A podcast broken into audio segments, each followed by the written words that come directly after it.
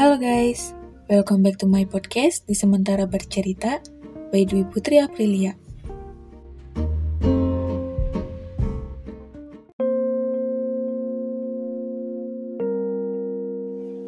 Quotes kali ini, mendaki bukan selalu tentang mencari sifat seseorang, tapi mendaki adalah tentang bagaimana kita berintrospeksi atas kesalahan dari sifat yang ada pada diri kita sendiri.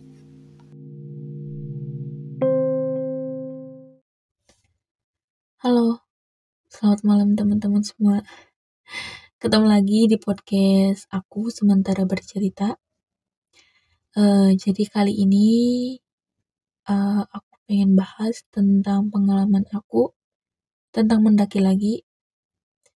Dan sebelum itu aku turut berduka cita atas meninggalnya tiga saudara kita di Gunung Bawah Karaeng, Sulawesi Selatan yang kejadiannya itu Rabu 18 Agustus 2021. Kita doakan semoga saudara kita, saudara di sana uh, tenang dan keluarga yang ditinggalkan tetap diberikan ketabahan dan diberikan kesabaran. Amin ya robbal alamin. Teman-teman semua, uh, sebenarnya ada beberapa hal yang akan jadi masukan untuk kalian yang ingin mendaki apalagi di situasi yang seperti ini mungkin kalian juga udah tahu dan menurut zaman orang tua dulu katanya kalau kita udah memasuki bulan yang belakangnya itu ber kayak November, Desember, berber aja Desember, November, apalagi ya September itu katanya udah memasuki bulan hujan, sering hujan. Emang iya sih, cuman emang kadang cuaca tuh sekarang gak bisa ditebak gitu kadang besoknya hujan besoknya terang benderang ya benar-benar gak bisa ketebak gitu uh, dan aku mau ngasih tahu buat teman-teman yang ingin mendaki di cuaca hujan seperti ini ada bekalan atau uh, tips dari aku kutip dari kompas.com itu ada 13 tips mendaki gunung saat musim hujan. Yang pertama itu jaga kondisi tubuh kalian itu tetap sehat. Itu paling penting sih kalau kata aku.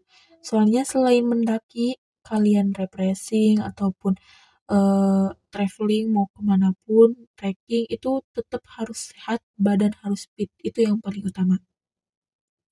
Yang kedua itu cek kondisi peralatan mendaki.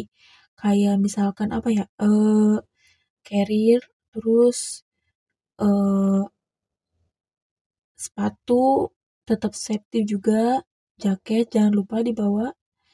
Dan yang ketiga, cari info lebih lanjut soal gunung yang kalian akan tuju. Itu penting. Jadi kalau kalian mau mau ke gunung yang lain, bis, uh, harus ada kayak kon kontak dulu ke base campnya. Jadi nanya-nanya situasi di sana aman atau enggak gitu.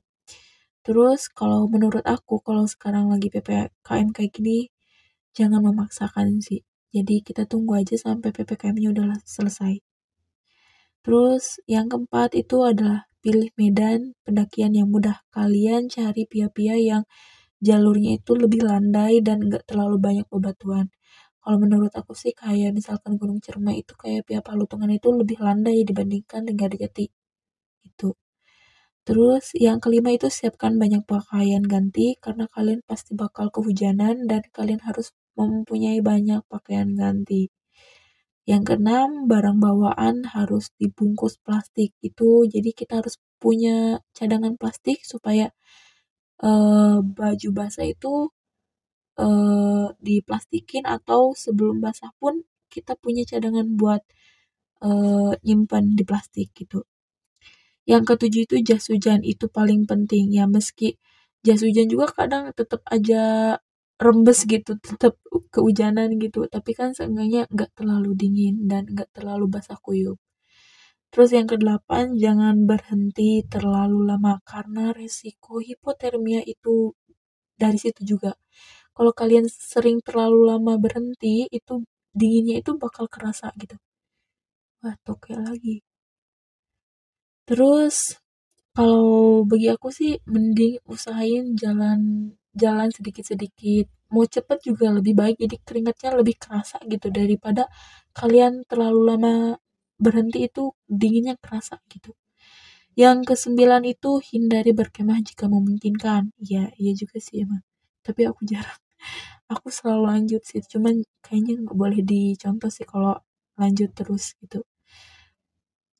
Uh, terus 10. Jangan mendaki di malam hari. Jadi kalian usahain mendakinya di siang hari supaya kan kalau misalkan ada kabut gitu uh, kelihatan gitu kalau di siang hari. Kalau di malam hari kalau misalkan kabutnya tebal, wah kayaknya bahaya banget tuh. Yang ke-11 itu hindari menerjang hujan pada awal pendakian. Uh, kalian usahain kalau misalkan uh, hujan jangan memaksakan untuk mendaki, kalian berhenti dulu. Itu sih. Terus ke-12 itu matikan ponsel saat cuaca buruk. Jadi resiko kena ini juga sih kayak petir gitu. Jadi matikan itu ponsel. 13 terakhir jangan lewatkan titik rawan aliran air takutnya banjir dan kalian ke bawah air gitu ya nauzubillah kan ya itu adalah tips yang dikutip dari kompas.com yang aku share ke kalian. Ini kalian bisa dijadikan pengalaman atau dijadikan contoh contoh untuk kalian ingin mendaki di musim hujan seperti ini. Terus pengalaman tentang pendakian aku selama di Gunung Ciremai itu aku pernah merasakan dua kali badai di Gunung Ciremai yang pertama itu April. April nggak tahu di tanggal berapa tapi itu hampir dekat sama tanggal lahir aku. Itu di tahun 2018 dan Oktober 2020. Sebenarnya cukup menegangkan banget teman-teman. Tapi justru itu sebagai pembelajaran uh, untuk pendakian selanjutnya gitu. Yang pertama itu mulai pertama kali pendakian itu badai sampai hujan es itu di bulan April pendakian entah keberapa cuman uh, waktu itu aku mendaki empat orang dua laki-laki dan dua perempuan. Uh, termasuk aku kita ngecamp di tanjakan Asoy. Itu tuh pos 5 kalau nggak salah tanjakan Asoy. Kita summit jam 3 jam 3 pagi dan sampai ke puncak itu masih gelap gitu. Ya dikira kayak wah ini masih gelap kayak gini kayaknya nggak bener deh ini cuacanya. Udah udah jadi udah perkiraan dalam hati gitu. Nah sekitar jam 6 kita itu uh, nunggu nunggu di gunung tapi masih belum kelihatan pemandangannya. Malah yang ada itu yang tadinya angin kecil biasa-biasa malah makin besar. Besar sampai kerudung teman-teman aku sampai aku pun uh, kerudungnya itu bintik-bintik putih kayak dari bercakan es gitu. Terus kita memutuskan untuk nunggu sampai badan mereda, sampai badai mereda. Dan asal kalian tahu redanya itu reda badannya itu kurang lebih jam 8 jam 9 pagi. Berarti kurang lebih 3 jam kita nunggu. Dan pas badai kita nunggu kita itu nunggunya di himpitan batu besar. Jadi tips juga sih ini kalau kalian mendaki di gunung dan kalian kebagian kayak badai gitu jangan terlalu memaksakan kalian bisa turun dan kalian kalau kalau nggak bisa turun maksudnya kalau kalian takut resikonya turun lebih parah kalian bisa di himpitan batu besar kayak gitu. Jadi antara dua himpitan batu kalian di tengah-tengah supaya uh, si badan kalian tetap hangat dan enggak terlalu nerpa gitu dan beda lagi nih waktu pas pendakian di bulan Oktober itu ceritanya di bulan Oktober 2020 waktu itu kita ngecamp di Pasanggerahan lebih atas lagi daripada uh, tanjakan Alsoy. Uh, aku le aku muncak waktu itu lewat Pia Apuy sih. Soalnya emang belum pernah ke Pia yang lain gitu. Nah, di Pasanggerahan ini sebenarnya deket banget sih sama puncak. Jadi sekitar uh, kurang lebih dua jaman dah Nah, kita waktu itu mendaki Nah di pas pos terakhir itu di Goa Walet mau menuju puncak, itu cuacanya sebenarnya baik-baik aja gitu. Tapi pas nanjak-nanjak lagi, pas mau ke puncak, betapa kagetnya kita sampai ngeliat awan gemuruh kayak hujan hitam gitu loh. Datang dari arah barat dalam hitungan beberapa detik sampai ada beberapa pendaki yang lain memutuskan untuk turun lebih cepat. Jadi pas udah ketahuan itu badai bakal besar, ada beberapa pendaki yang langsung turun, tapi kita lanjut. Waktu itu puncak kita tetap berempat, termasuk aku bawa adik aku. Uh, itu kita nunggu kurang lebih satu jam. Ada, tapi ada beberapa pendaki juga yang ikut nunggu sama kayak kita. Sampai kita nunggu beberapa badannya reda, tapi alhasil satu jam lebih itu tidak ada hasil. Dan teman-teman yang pendaki lain pun banyak yang udah pada turun. Sampai aku cerita sih ini, adik aku tuh waktu pas mendaki gunung baru pertama kali uh, dia tuh kayak mau ke bawah angin gitu M mungkin karena kurus juga gitu cuman alhamdulillahnya itu kayak dia nahan gitu nahan badan supaya arah balik dari badainya jadi gak gak ke bawah gitu. Dan hasil kita turun nah ini adalah sebuah cerita yang mengerikan sebenarnya. Dari sini pas turun itu ada cerita tentang cedera ankle aku yang sampai beberapa bulan belum sembuh. Jadi ceritanya itu ketika kita turun gunung itu uh, kita masih di situasi yang tetap hujan besar malah lebih besar lagi. Tapi badainya nggak terlalu banyak nggak terlalu nerpa gitu. Anginnya nggak terlalu besar jadi hanya hujan besar doang.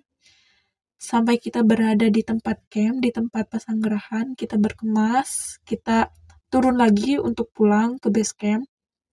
Kita di pos 3 itu ke bawah. Dari pos tiga ke bawah itu aku mengalami jatuh jatuh sering banget jatuh. Karena sepatu aku gak safety dan sepatu aku pakai kayak sepatu kayak sepatu olahraga gitu loh. Nah itu sering banget jatuh karena licin juga sih sebenarnya. Dan uh, kita jalan-jalan santai akhirnya kita jalan santai supaya uh, ankle aku agak mereda gitu. Dan akhirnya kita kejeb aku aku kejebak uh, akar hidup. Kalian tahu akar hidup yang kayak uh, bentuk bulat gitu loh. Jadi kaki kaki itu masuk ke akar ke akar hidup itu terus jatuh. Awalnya biasa aja. Awalnya itu biasa aja. Terus pas bangkit lagi beberapa langkah hampir empat langkah itu Dwi ankle Dwi itu langsung nilap ke sebelah kiri gitu. Bisa kalian bayangin itu nilap ke sebelah kiri dan sampai ada suara kayak drak gitu loh. Dan Dwi mengalami pembekakan waktu itu. Syukurnya itu karena itu tuh nggak jauh dari base camp. Jadi uh, dari pos 1 ke base camp itu dikit lagi gitu. Jadi pas turun itu pas nyampe base camp pulang isaan kalau nggak salah jam 7 jam 8an malam Dwi langsung dibawa ke dokter langsung diperban dan dari kejadian itu Dwi langsung nggak masuk kerja. Dan sampai bulan Maret itu masih kerasa sebenarnya. Tiga hari nggak masuk kerja dan hampir beberapa bulan enam bulan masih kerasa dan masih pada masih pada bengkak gitu kayak ungu gitu. Jadi sebenarnya ini pelajaran juga buat Dwi dan uh, pelajaran buat kalian. Untuk kalian yang mau mendaki di cuaca hujan seperti ini kalian harus benar-benar persiapannya matang kalau misalkan emang gak hujan pun kalian harus benar-benar matang juga. Jadi sering olahraga pemanasan itu juga penting banget teman-teman. Dan sepatu kalian itu harus safety di situasi hujan. Jangan sampai kayak sepatu olahraga karena sepatu olahraga pun licin gitu. Sebenarnya sepatu kayak uh, sepatu buat mendaki juga uh, agak gak terlalu licin. Cuman sebenarnya ada kayak nahannya tuh bagusnya tuh sepatu gunung tuh gitu gitu makanya sekarang aku nyicil gitu buat beli sepatu gunung. Jadi buat kalian yang nggak punya pun kalian bisa sewa. Kalau nggak salah ada gitu sewa-sewa sepatu gunung sewa carrier gitu. Jadi persiapan untuk mendaki itu jadi lebih matang gitu. Tinggal puncaknya aja. Uh, itu adalah beberapa pengalaman yang benar-benar aku rasakan. Dan semoga bermanfaat. Uh, See you next podcast. Yeah.